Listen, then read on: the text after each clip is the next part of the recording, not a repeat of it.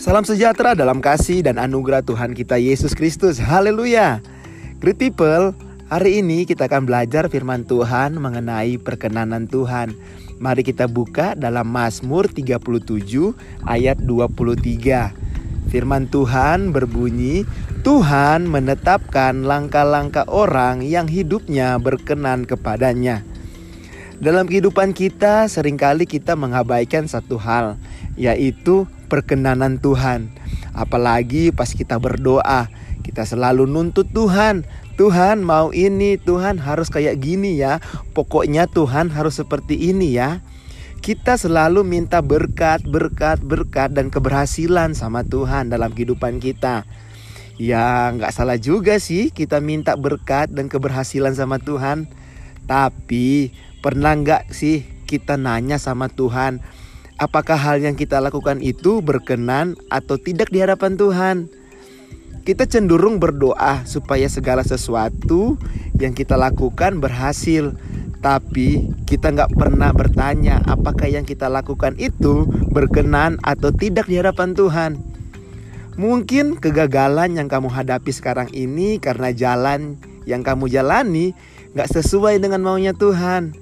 Meskipun kamu sudah berdoa, namun kamu nggak pernah nanya sama Tuhan, apakah jalan yang kamu pilih sesuai dengan kehendak Tuhan atau tidak. Hari ini, yuk kita belajar lagi untuk selalu mengikut sertakan Tuhan dalam setiap keputusan yang kita ambil.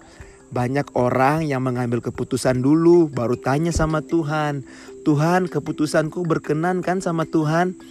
Hmm, padahal harusnya kita Tanya dulu sama Tuhan, baru kita boleh ambil keputusan. Karena kalau kita ambil keputusan dulu, baru tanya sama Tuhan, ujung-ujungnya pasti kecewa.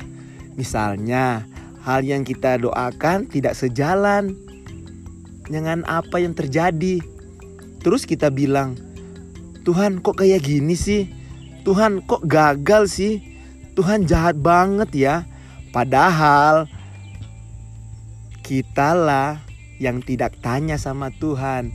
Padahal yang kita lakukan itu bukan kehendak Tuhan, tapi kita yang maksa supaya Tuhan yang ikuti maunya kita. Makanya tanya Tuhan dulu, baru kita lakukan.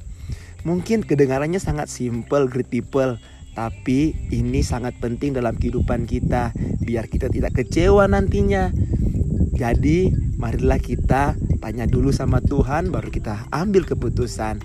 Dalam firman Tuhan, Tuhan menetapkan langkah-langkah orang yang hidupnya berkenan kepadanya. Haleluya.